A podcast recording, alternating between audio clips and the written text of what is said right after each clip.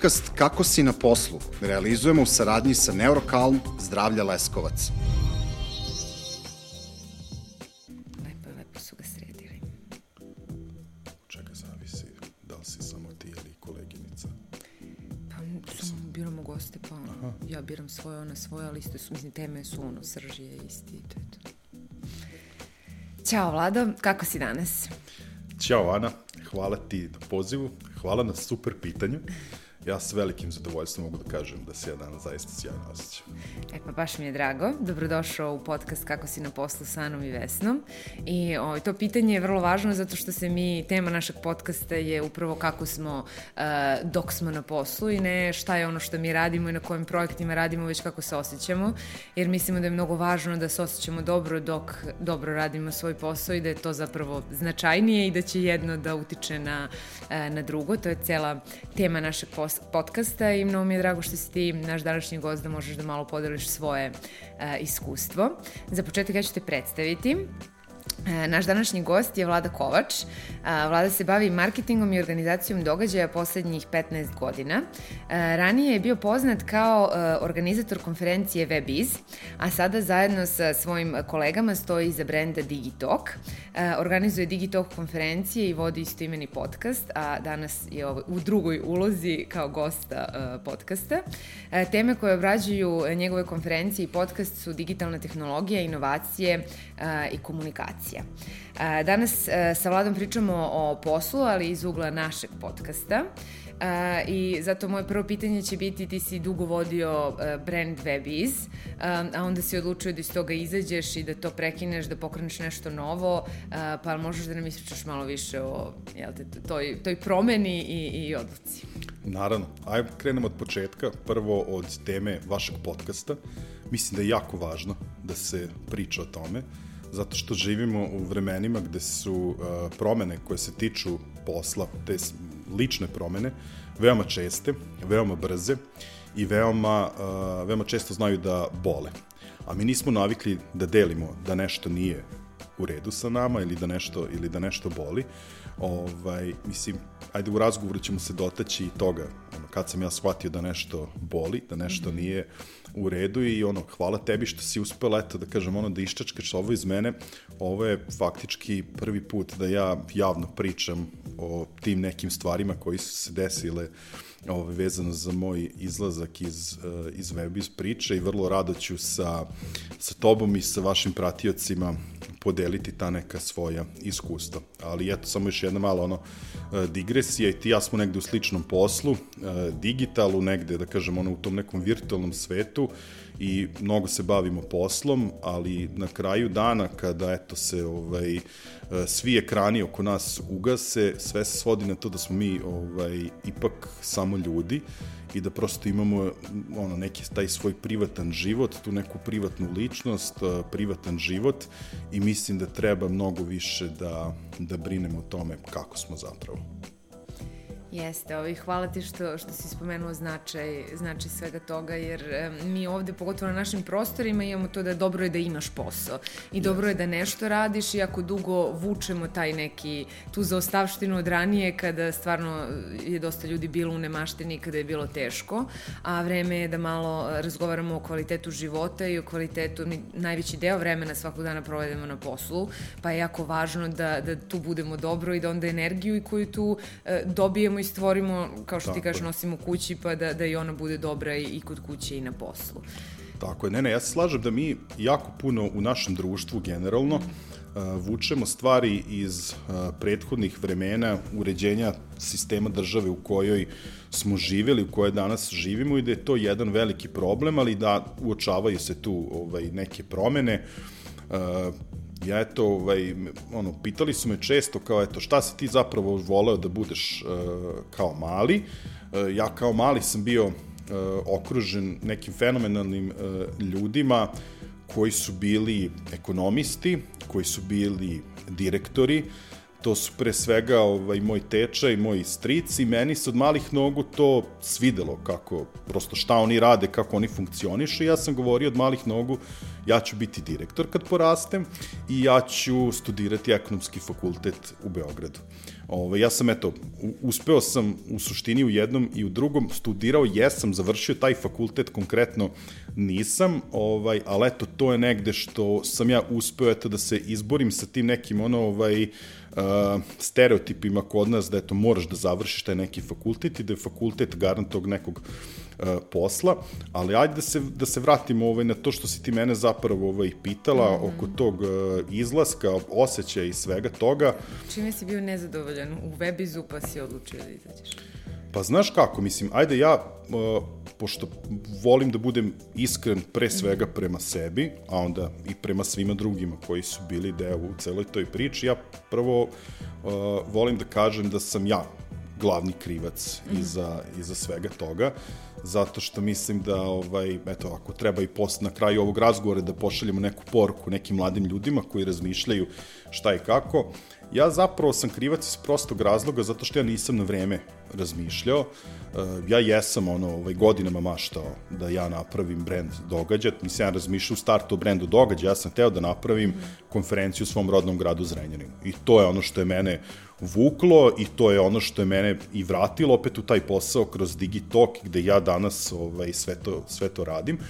Ali eto, poklopile su se kockice, stvorila se mogućnost u firmi koje sam ja tada radio da se, da se tako nešto započne, projekat, I to je sve bilo super. Znači, ono, mali kolektiv kao porodica, radimo neki projekat ono iz srca od početka, zdrava je to ovaj, bila priča od samog početka ovaj, do, do tog nekog mog uh, izlaska. E sad, tu se vremenom javljaju neke stvari uh, koje su, ja mislim, karakteristične za naše podneblje. Ne bi se ja tu ograničio samo, ovaj, uh, samo na, na, na Srbiju, a to jeste kada imate mali kolektiv, kada možda nisu jasno postavljeni ciljevi, strategija firme, šta ona zapravo radi, čime se bavi, šta je, i pre svega šta je čija uloga u celom tom malom sistemu. Ja sam nekako znao šta ja želim, ali nisam bio ja taj, ja jesam vodio kao projekat, pa sad ti tu imaš neku titelu, da li si izvršni direktor firme ili si direktor projekta, to je suštinski nebitno. Ja sam ono sve to vreme unosio jednu ogromnu količinu lične emocije i energije u taj projekat i mislim da je to bila, da kažem, taj, da je to bio taj neki tajni sastojak koji su ljudi sa strane prepoznali, pa je to postiglo ovaj uh, uspeh koji zaista je nije bio zanemarljiv na na regionalnom nivou. Ono što je meni drago bilo jeste da sam ja tu neku emociju i energiju uh, uspeo da prenesem i na najveći deo tog našeg malog kolektiva i zaista tih 7-8 godina uh, najveći deo tog vremena jeste bio veliko uživanje radeći jer bilo je tu trenutaka uh, da kažem ono i, i ono, prenaglašenih emocija jednih mhm. između drugih i da, da slavimo ono, da kažem, rođenja neke dece, da idemo ono, jedni drugih na, na, na svadbe, team buildings i tako dalje i to je možda negde nešto što ja najviše želim da, da, da pamtim iz, iz tog perioda, ali ono što, eto, nije bilo e, dobro i gde je počeo taj osjećaj nelagode u meni, pa koji je doveo i do, i do burnouta i do tih nekih odluka da ja to sve napustim, a to jeste kada organizacija ne može da prati uh, vaš lični rast i napredak. To je, da kažem, ono prvi neki razlog i simptom da se vi zapitate da li tu zapravo uh, da li tu zapravo pripadate. Uh, drugo, kada management ili, ajde da kažem, uh, neko ko je vlasnik firme ne može da podnese taj vaš napredak, mm. napredak i rast i onda tu dolazi do, da kažem, te neke kolizije, neslaganja, iako je do tog momenta sve savršeno funkcionisalo i ličilo da je to idealno i onda i prosto imaš utisak da si ti zapravo Znaš, ja sam tu dugo godina dolazio svakog dana kao na nešto svoje. Mm -hmm. Znaš, jer ja dan danas, ovaj, mi smo danas kod vas u studiju, ovaj, naše kancelarije su tu bile u neposrednoj blizini. Ja dan danas imam emociju kada mm -hmm. ulazim u Belleville, kada prolazim pored te zgrade. Znaš, ja sam mm -hmm. osam godina tamo, tamo odlazio, svakog dana, svako jutro, među prvima, prosto, ne znam, kuvali kafu, pili zajedno tu prvu jutarnju kafu, ali eto onda dođe ta neka promena koju je problem ako ne prepoznaš uh, na početku, prosto preispituješ. Najgore, najgora stvar što čovjek uradi sam sebi da preispituje sebe. Mm -hmm. Da li si ti dovoljno dobar, da li si dovoljno dobar prema mm -hmm. drugima, da li ti radiš ono što treba da radiš, jer najčešće nije zapravo problem u tebi. Mm -hmm. Posebno ako se ti, kao što sam se ja onako, da kažem, prilično emotivno unosio u, u celu tu priču. I to je, da kažem, negde bio početak problema. Kažem, kada organizacija ne može da prati mm -hmm. tvoj lični rast i tvoju ambiciju, jer ja sam zaista želeo prosto da, da mi ono, i uradimo nešto sa tim e, i, i u poslovnom smislu i u smislu razvoja brenda i kada vidiš da neko ko je iznad tebe, da mu smeta mm -hmm. tvoj, lični, tvoj lični razvoj, napredak i kako se ti sada posle x godina drugačije pos, prosto tu pozicioniraš i u svetu biznisa mm -hmm. i, u tom ne, i u toj nekoj zajednici koja je nastala oko tog brenda. Da, ovaj, to mogu da, da vidim verovatno i povezano sa ovim što si rekao da nisu bile jasno određene e, ta strategije i struktura i ko Ciljevi, se čime tako, bavi, da, da. šta je čija odgovornost, a onda isto, mislim ti dok, dok mi nisi pričao ovu priču ranije, ja isto nisam znala da neka druga kompanija stoji za Webiza, mislim svi su Webiz e, poistovećivali, povezivali sa tobom i ti si postao, da kažem, brand uz, uz, uz Webiz, tako da onda, onda zapravo to je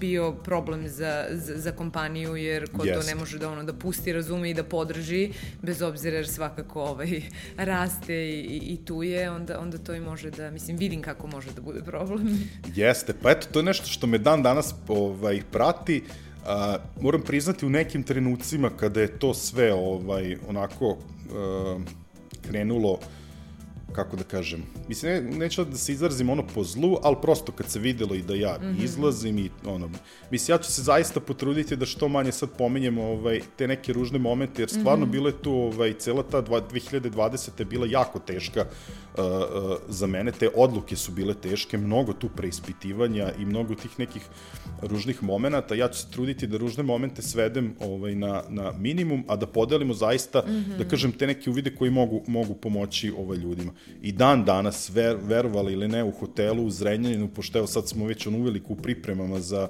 za našu ovaj, digital konferenciju u aprilu mesecu, u hotelu u Zrenjaninu rezervacija stoji Webiz. Znaš, da, i u restoranu, i u hotelu, i to ne, i sad kao, ne mogu ja sad ljudima kažem, nemojte to da pišete, prosto, ovaj, i dan danas gomili ljudi, ja u imeniku stojim kao vlada Webiz, ja nikada se nisam namerno tako predstavljao, ali su ljudi nekako stavili znak, iz, znak jednakosti između mog imena i brenda koji sam mm -hmm. ja mhm. sa, sa kolegama razvio tih 7-8 mm -hmm. godina. Pa jasno, mislim, to ne, ne, ne čudi me uopšte, i sam kažeš da si to živeo i da si u tome, mislim, organizacija događaja to negde i e, iziskuje, pogotovo ko se stvarno dobro time bavi. E, sad hoću, spomenuo si da si e, uspio da prepoznaš trenutak kada si e, počeo da ulaziš u burnout, da je to preispitivanje, da li je šta do tebe, šta nije povezano sa tim, e, pa ako možeš da nam ispričaš više o tvom iskustvu burnouta, jer će to isto biti korisno ljudima da čuju, da mogu i oni da, da prepoznaju prepoznaju kad su u sličnoj situaciji i kako si ti onda, šta je bio i prelomni trenutak da shvatiš da nešto moraš da promeniš i kako si se, se borio s tim i onda menjao onda iz tog perioda izađeš? Na moju žalost, taj ceo proces je prilično dugo kod mene mm. trajao, jer sam ja to sve negde potiskivao. Prosto, ja nisam imao nisam imao snage da se otisnem jednu godinu i po dana. Mm -hmm. uh, I onda je to, ovaj, prosto simptomi su bili, kod mene je problem što se ja uh, u sve unosim sa puno emocija. A te emocije, ako ne možeš da kontrolišeš, vrlo često se uh, kod ljudi poput mene održavaju i, i na zdravlje. I onda je anksioznost, taj, taj neki ono prvi prvi simptom i prva posledica uh, tog nekog burnouta, jer suštinski, mislim, šta burnout? Nije sad, meni nikad nije bilo problem da ja radim. Svi znaju da je organizacija događa izuzetno stresan posao po nekim, da kažem, ono, ovaj, ono, super poznatim top listama ovaj, koji izlaze ovaj, na društvenim mrežama u Americi je uh, event management jedan od, jedan od pet najstresnijih zanimanja. Mm -hmm. Ali prosto mene, mene to nešto pokreće. Ali uh, kada ti nemaš uh, razumevanje okoline, uh, menadžmenta, uh, kada nemaš podršku i kada radiš u nekim izrazito otežanim uslovima, uh, ti onda prosto imaš utisak kao da nemaš izlaza. Ne možeš da pustiš, ne želiš da prikažeš ljudima oko sebe, toj nekoj javnosti, zajednici, da postoji neki problem, držiš sve u sebi i onda to kreće da se odražava na, na telo i na fizičko zdravlje, što je kod mene ovaj, bio uh, slučaj. I to je negde bilo, to je negde nekih godinu i po dana trajalo. Uh, ja sam bio svestan, mislim, vukao sam ja neke iracionalne poteze tokom, ovaj, tokom tog perioda od godinu i po dana. Prvi, ajde da kažem, racionalni potez je bio kada sam ja ok, ajde da vidimo ako bi ja sad želeo da izađem, šta bi ja mogao da ponesem sa, sa sobom. Ali opet ću da napomenem, ovaj, pošto bih to voleo da bude jedna od poruka koju ćemo poslati nakon ovog razgovora, uh, moj najveći problem je bio što sam ja konstantno uh, sumnjao u sebe, svoje mogućnosti, ovaj, i što je tu bilo kolega kao, pa znaš, kao, nemoj da misliš da ti možeš to, da, da bi mogao to da radiš sam. Nije to baš tako, uh, jednostavno, znaš, nas si ovde, ti ovde imaš sve, znaš, pošto se pričalo o tome, mm. mislim, ja sam vrlo često znao da izrazim svoje uh, nezadovoljstvo i onda se ti stalno nešto tu zapitkuješ kao, sam ja, brat, zapravo dobar, šta ja znam, jedra, koliko ja vredim. Mm. Ovaj, jer opet i taj event management i cela ta postavka u, u tom periodu je bila, mislim i to treba ono biti iskreni reći, to je jedan vrlo fleksibilan posao, u smislu da ti možeš da organizuješ svoje vreme, da ti ne moraš da si non stop u kancelariji, da ti nemaš sad ne znam kakve dress kodove, bilo šta, plate bila prilično, prilično dobra, uzimajući u obzir industriju i okolnosti i tako dalje.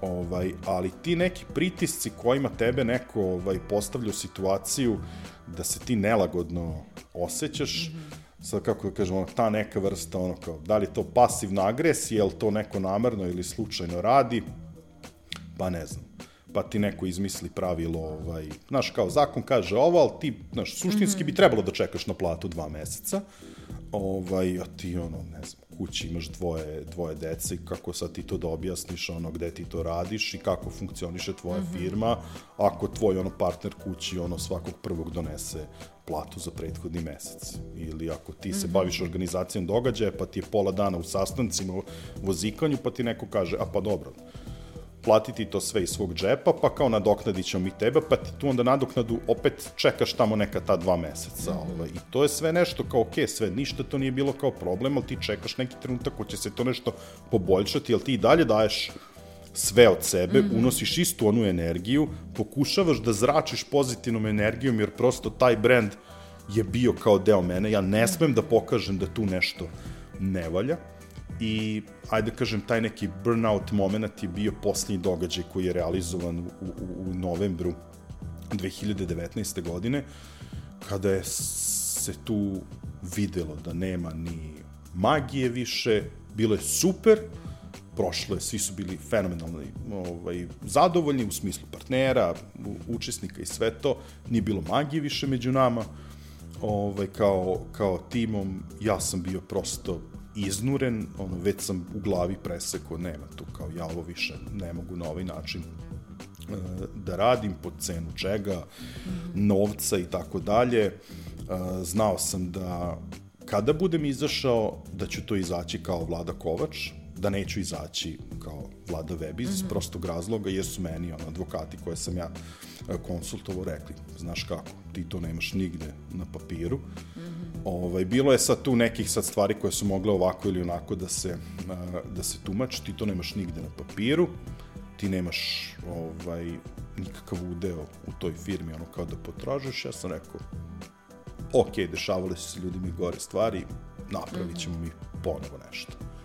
Tako da, eto, to je, to je ovaj, nažalost, kažem, kod mene trajalo nekih 18 meseci, ne bi trebalo mm -hmm. toliko da traje, ali onda sad će zvučati malo, ovaj, malo čudno, ali verujem da, uh, da je mnogim ljudima bilo tako. Mm -hmm. Mene pandemija i COVID su me spasili.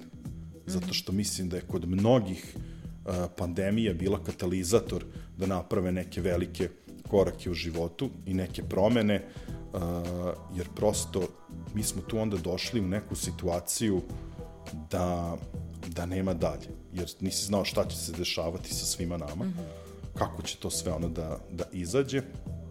A, u toj celoj situaciji, kada je to sve puklo u smislu kao posla, mi smo svi sedeli kući i ti onda jedan dan dobiješ tamo neki mail gde tebi neko kaže s kojim si ono pio svaki dan jutarnju kafu, ovaj, pa ti se obraća nešto kao skoro kao pa na vi, pa kao cirkularni mail, a znaš ti da potpišeš tamo aneks, kao jeste frka i sve to, pa znaš to sad, da ti primaš minimalac do u A ovomo mi smo bili drugari, nismo, nisam ja bio tu bilo ko, ti si partner, ti si ovo, ti si ono. I onda kažem, pa kao, ne može to baš tako da prođe. Mm -hmm. A do tog momenta, znaš kao, imaš to neko dobro primanje, pa onda, znaš kao, ajde, bit će možda bolje, promenit će mm -hmm. se nešto, treba ta neka sigurnost. E, to je ta zaostavština tih, da kažem, ranijih uređenja gde je nama to usađeno, siguran posao, pa nemoj ti tu mnogo da, da talasaš i tako dalje. A sa, I onda, kad je došao taj moment, znaš kao, e, ti treba da potpišeš da nećeš ono kao da primaš svoju platu, nego ćeš da primaš tamo 5-6 puta manje, što nije dovoljno ni da pokriš svoje režijske troške, ja neću ja to da uradim. Ja sam rekao neću. To je bio šok total, kao kako ne, ne želim. Radi šta god treba. Ja neću da potpišem, ti mi daj otkaz i to je to što se mene tiče, ja sam okej okay skroz sa tim. I to je bilo onako, ta odluka je onako bila oslobađajuća, baš onako, znaš, onda počneš da dišeš punim plućima, si ti zaista rekao da ne možeš više da radiš na to nešto. To je, to je bio tvoj tipping point, tačno. To je bio tipping je... point, da, da, da. da Mislim, da. mnogo si uh, zaista vrednih stvari rekao ovde. To što kažeš i da si ti prolazio kroz taj burnout i to neko nezadovoljstvo, da si dolazio na posao, a da se nisi osjećao skroz dobro godinu i po dana, mislim, to nije um, toliko neobično, jer ono iz, uh, iz mog iskustva, iskustva mnogih ljudi sa kojima sam razgovarala na ovu temu, uh, to je zapravo slična situacija i kod njih, zato što mi stalno mislimo da prvo se to preispitujemo, da li Tako sam je. ja uradio sve što mogu, sve što treba, šta još mogu da uradim, a drugo je što nekako to očekujemo da će možda biti bolje, nešto će da se promeni, pa si drugu stvari, zato i ostajem mnogo duže nego što treba, mislim, jer niko nije, ok, prvi put imamo neku malu poteškoću, nešto nije kako treba, da ću ja otkaz i idem, mislim, to redko ko će to da uradi, posebno ako smo negde mi dali svoje vreme, znanje i nešto tako gradili. Tako je, tako je. A, tako da ta, to tendencija da ostanemo duže nego što treba nam je svima, svima tu. I drugu stvar koju si rekao je taj... Um, način ponašanja sistema koji hoće da, mislim, oni hoće da ti imaš znanje da budeš dobro i kažu ti super si, ali sa druge strane hoće da ti kažu, ali ti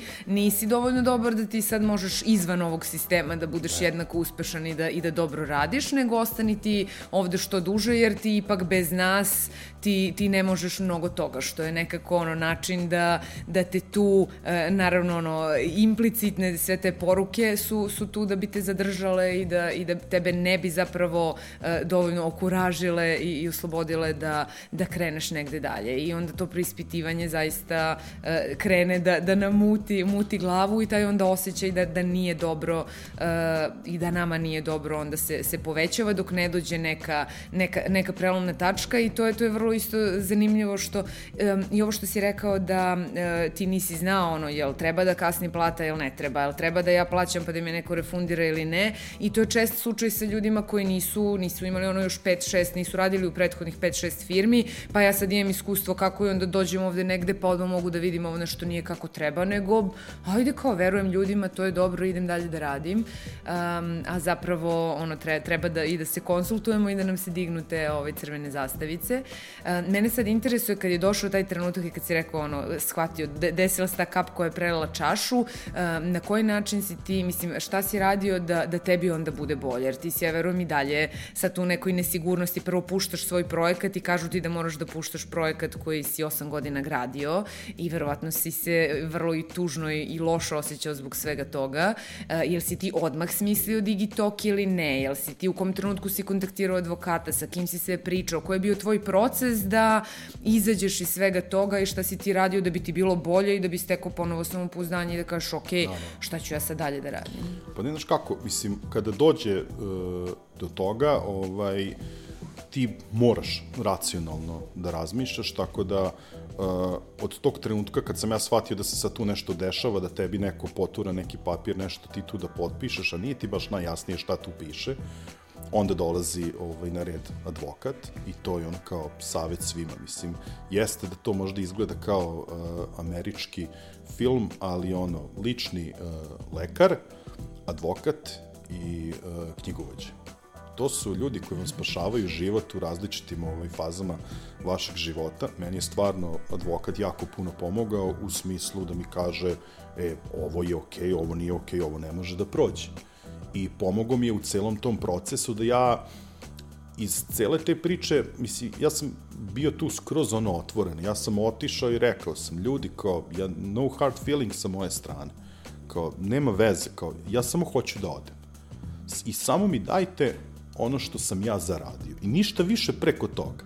Tu je onda nastala kao ta neka problematika koja je trajala i koja je donela te neke ružne uh, ružne momente, ali ok, i sa tim se isplivovalo, pre svega zahvaljujući, uh, zahvaljujući uh, advokatu, ali ko je zapravo, da kažem, tu, ajde da kažem, heroj, heroj je porodica koja je tu uz tebe da ti da podršku, kad te neko pita, ajde samo ti reci, jel ti misliš da možeš?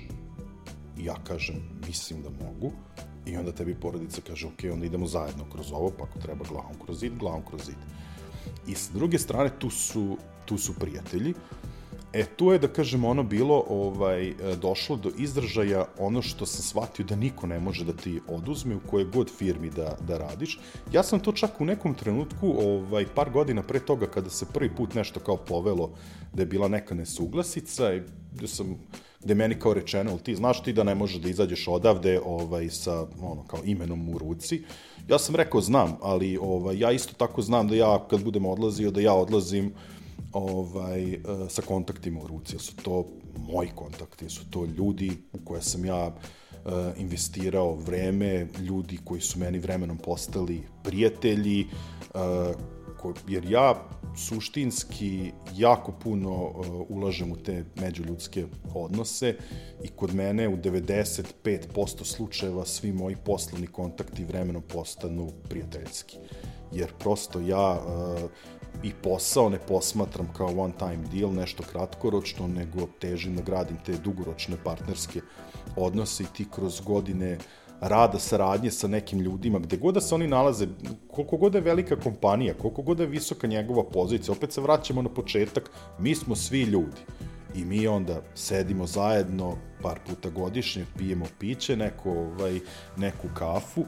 Ja sam se konsultovao sa svim ljudima, znači imao sam bukvalno ono sesije, sećam se ono kao bio je, bio je COVID, ja sam ljudima slao poruke, ljudi, kod mene ima nešto veliko novo, ja bih voleo s vama da se konsultujem, znači to su ljudi iz sveta biznisa, ovaj, s kojima sam ja proveo sate i sata, ono kao u, u online ovaj, pozivima, gde su ono svi ono bili vrlo jednoglasni, kao slušaj, kao, mi zaista nismo znali, što ono malo pre što si ti mhm. rekao, nismo znali da postoji neka druga firma, da to nisi ti, i kao, što se nas tiče, kao, ti si taj, kao, mi hoćemo s tobom da radimo, nas drugo ništa ne interesuje, pa kao, kako god da se to zvalo. E, onda tu dolazi prvo do tog nekog povrata samopouzdanja, jer ti shvatiš da prosto nisu oni sad radili zato što se to tamo nešto zove Webis, pa je to mhm. nešto big deal, nego je za njih deal, big deal bio odnos koji su oni razvili mm -hmm. sa mnom. I stvari koje su oni radili sa mnom, ne samo sa mnom, sa celom ekipom na, na, na određeni način. Ovaj, I, da kažem, ti ljudi, najbliži ljudi oko mene, koji su rekli, ovaj, mi ćemo biti uz tebe šta god da treba. Znači, to su stvarno bili ljudi, prvo kao da se nađu kao prijatelji da saslušaju, mm -hmm. da posavetuju, bilo je njih sigurno bar desetak, reci šta treba, mi ćemo da uložimo u tebe prijateljski, jer mi znamo da ti to da ti to možeš. Tako da, u suštinski, ja sam znao da ja želim da, ovaj, da nastavim putem kojim sam išao, znači da se bavim mm. organizacijom događaja. Uh, Digitalk kao Digitalk uh, nije to došlo, to došlo odmah, to je došlo onako da kažem, jednim, jednom drugom prilikom gde sam ja bio skroz onako ganut ovaj, postupkom, uh, jer ok, ja zaista mogu da se pohvalim da imam jako puno prijatelja i poznanika, ali u celoj toj ovaj, priči ja se sećam, među prvima sam ono kao preko Messengera poslao Ivanu Miniću poruku, e slušaj, desilo se to što se desilo, nisam više tu. On je tad silom prilika bio tri meseca zarobljen ovaj, u Americi, samo mi napisao, nema ništa, brineš, sve će da bude ok, vidimo se kad se ja vratim. On se čovjek vratio, ja ne znam da li je prošlo 48 sati, ovaj, ajmo da se vidimo i onda meni rekao kao slušaj, zašto ti da ideš sam glavom kroz zid, kao ajde razmisli da idemo to, kao da to radimo na zajedno. Ja moram da priznam, o, u tom trenutku mnogo nesigurnosti je bilo u, u smislu to kao s kim sad, da li ulaziti s nekim mm -hmm. i sve to, ali ono, posle neka dva, tri razgovora, ovaj, ta nesebična podrška i pomoć koja je došla sa strane uh, Ivana i, i, i Vite, ja sam rekao da ja to stvarno nikada ne mogu da, da, za, da zaboravim. I kao to su ljudi koji su u trenutku kada niko nije znao šta će se dešavati i kako će se stvari odvijeti, verovali u to i rekli, ok, ti sad imaš platu, mi ćemo da radimo kada prođe sve ovo, a ne znamo kada će da prođe, i kao, bit će sve ok. Znaš, e, i onda ti vidiš da ti zapravo vrediš, da ti značiš tamo nekim mm. ovaj, ljudima i onda počne da se odvija ta neka, ta neka nova priča koja, verujem, eto, da, da nosi ono istu, ako ne i veću količinu i pozitivne energije i emocija koju mi zaista ono ugrađujemo u, u svaki ono, svaki delić Digitoka koji radimo. Mm -hmm. Da, zanimljivo. Ovi, znači ti nisi odmah imao ideju o Digitoku, nego se, samo si odlučio da odeš iz, sa mesta da. koje ti više nije Ne, ne, to je taj moment, znaš, kad ti kažeš šta, ja kao, mm -hmm. znaš kako, jer i, i tu ajde da budemo ono kao iskreni, znaš kao do tog momenta, koliko god je bilo nelagode neke, znaš, imao si to neka prilično okej okay primanja, mm -hmm. koje su ta neka sigurnost. U momentu kada je sa tim što ti je stiglo na mail, gde te, te neko tera mm -hmm. da potpišeš nešto, što ni ne znaš šta je, ni koliko vremenski treba da traje, gde te mm. ostavlja i bez toga, kao, ali zašto bih ja to radio sebi? Mm -hmm. Zašto bih i dalje ostao vezan za vas? Znači, znaš, kao, mhm. nestala i ta jedna stvar koja te povezivala sa celom mhm. tom pričom, ma ja sam rekao, ja ne želim, ja prosto, kako ti kažem, bukvalno, kad ja kad sam to odgovorio, kad sam to rekao, ja to neću potpisati, Znači, to ti je bukvalno ono oslobođenje iznutra. Mm -hmm. ne, mhm. ne mogu da opišem koliko je to bio ovaj koliko je to bio dobar osjećaj. Mm, Iako kao da ti, da sklanjaš sa taj negativni e, kao teret da ti su... padne ono sa, ovaj, sa, sa grudi i stvarno je super osjećaj. Mm -hmm. I, I ovaj, ne znam, ono, mislim, ja znam da je to teško, uh, ljudima objasniti da svi imaju, mm -hmm. ovaj, to je to, to je to ono čuveno izlazak iz zone komfora. Mm -hmm. Na, ali toliko je bilo oslobađajuće i toliko je, mislim, evo, ovaj, sad ono kao pravimo tu neku rekapitulaciju 2022. godine, kako je sve to bilo, meni neko da je na početku 2022. rekao kakva će ona biti, šta ćemo mi sve da uradimo, šta će se sve desiti. Mm -hmm. Ja ni u ludilu ne bih to, ovaj, to verovao. Tako da u, u tom nekom kontekstu mislim da samo dobre stvari mogu da proizađe iz toga kada izađeš mm -hmm. iz, uh, iz te zone komfora, kada doneseš tako neke ovaj, velike uh, odluk, uh, odluke u životu, ali eto, podvući ću još jednom da je to jedna od redki, mislim, zaista ne bih volao da nam se ponovi period, mm -hmm. kao što je bila ovaj, uh, pandemija i cela ta priča oko COVID-a, uh, ali zaista mislim da je mnogo uticala na, na ljude, na tržište rada. Ok, uticala je nažalost dosta i na psihu ljudi u negativnom uh, smislu, pogotovo na mlade ljude, ali mislim u, u kontekstu biznisa da nas je malo oslobodila uh, da otvoreno kažemo šta je u redu, šta nije u redu. Mm -hmm. Nama lično. hoću ovo, isto sad pričamo dosta kao i o toj ovaj, o reputaciji marketinške struke, pogotovo kao to digitalni marketing mm -hmm. i sve, a, da li je danas klincima seksi da to rade. Znaš, kao pre 7, 8, 10 godina, svima je bilo cool, ono, pojavio smo onda Facebook, društvene mreže, pa ti puštaš videoklip iz kancelarije u petak u 9 uveče, pijemo pivo, slušamo muziku i kao sve super mi radimo petak, mm jer se mi kao ložimo na to. Neće danas klinci to. Mm -hmm. Ne lože se da rade po 12 sati dnevno, jer im treba vreme za njih samo. Mm.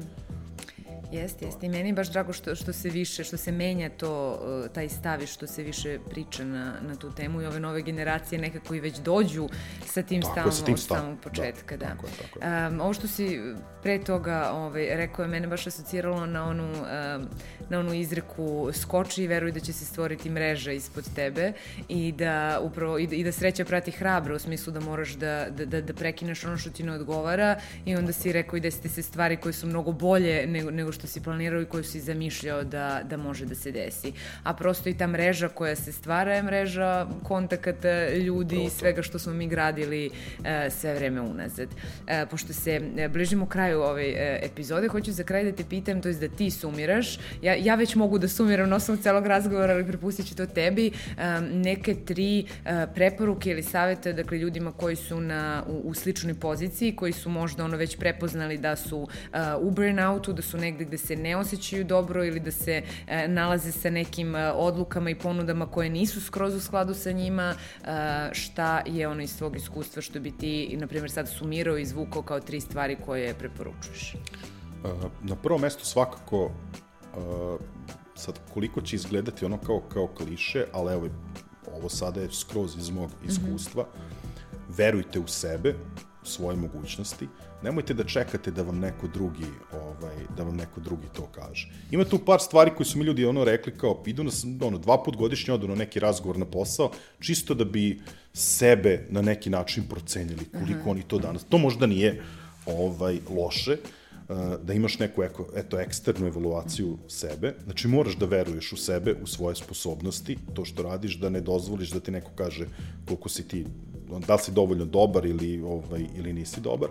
To je na prvom mestu. Uh, drugo, uh, kontakti i uh, odnosi koje razvijaš sa ljudima na, na poslu su jako važni.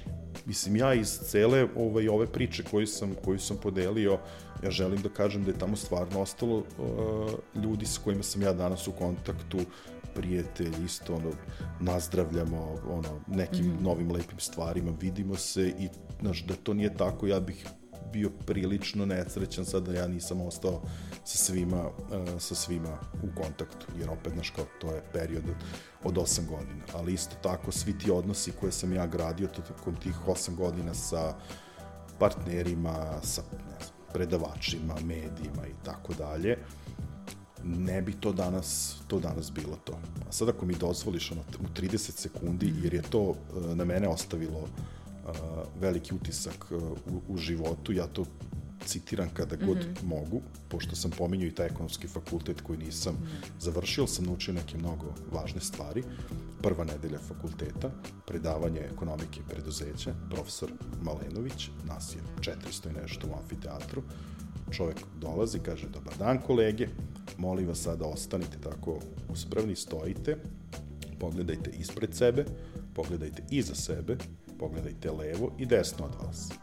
E, kaže, ti ljudi koje ste videli oko vas, to je najveći kapital koji ćete vi poneti sa ovog fakulteta nakon 4, 5, 6 godina studija.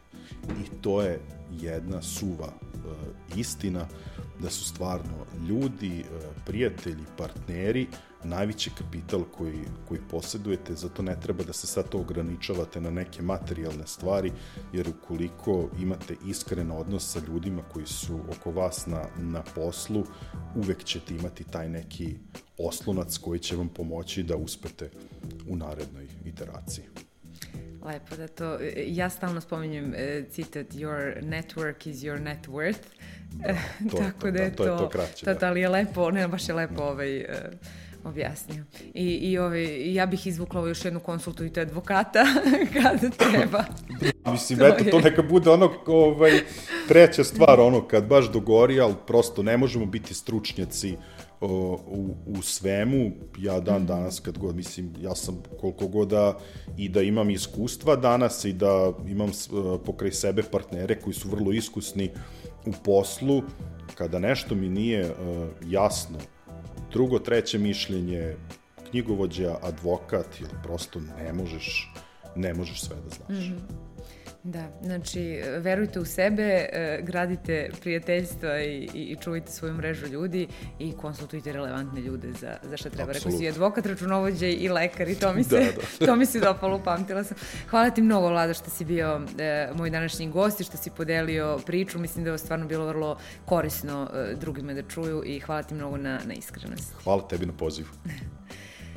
Hvala i vama što nas gledate i slušate. E, mi se vidimo na, za nedlju dana na istom mestu. Ako želite da uh, pratite sve naše ostale goste i priče, kliknite na subscribe na našem YouTube kanalu, um, a do sledećeg nedelje budite nam zdravi i budite nam dobro.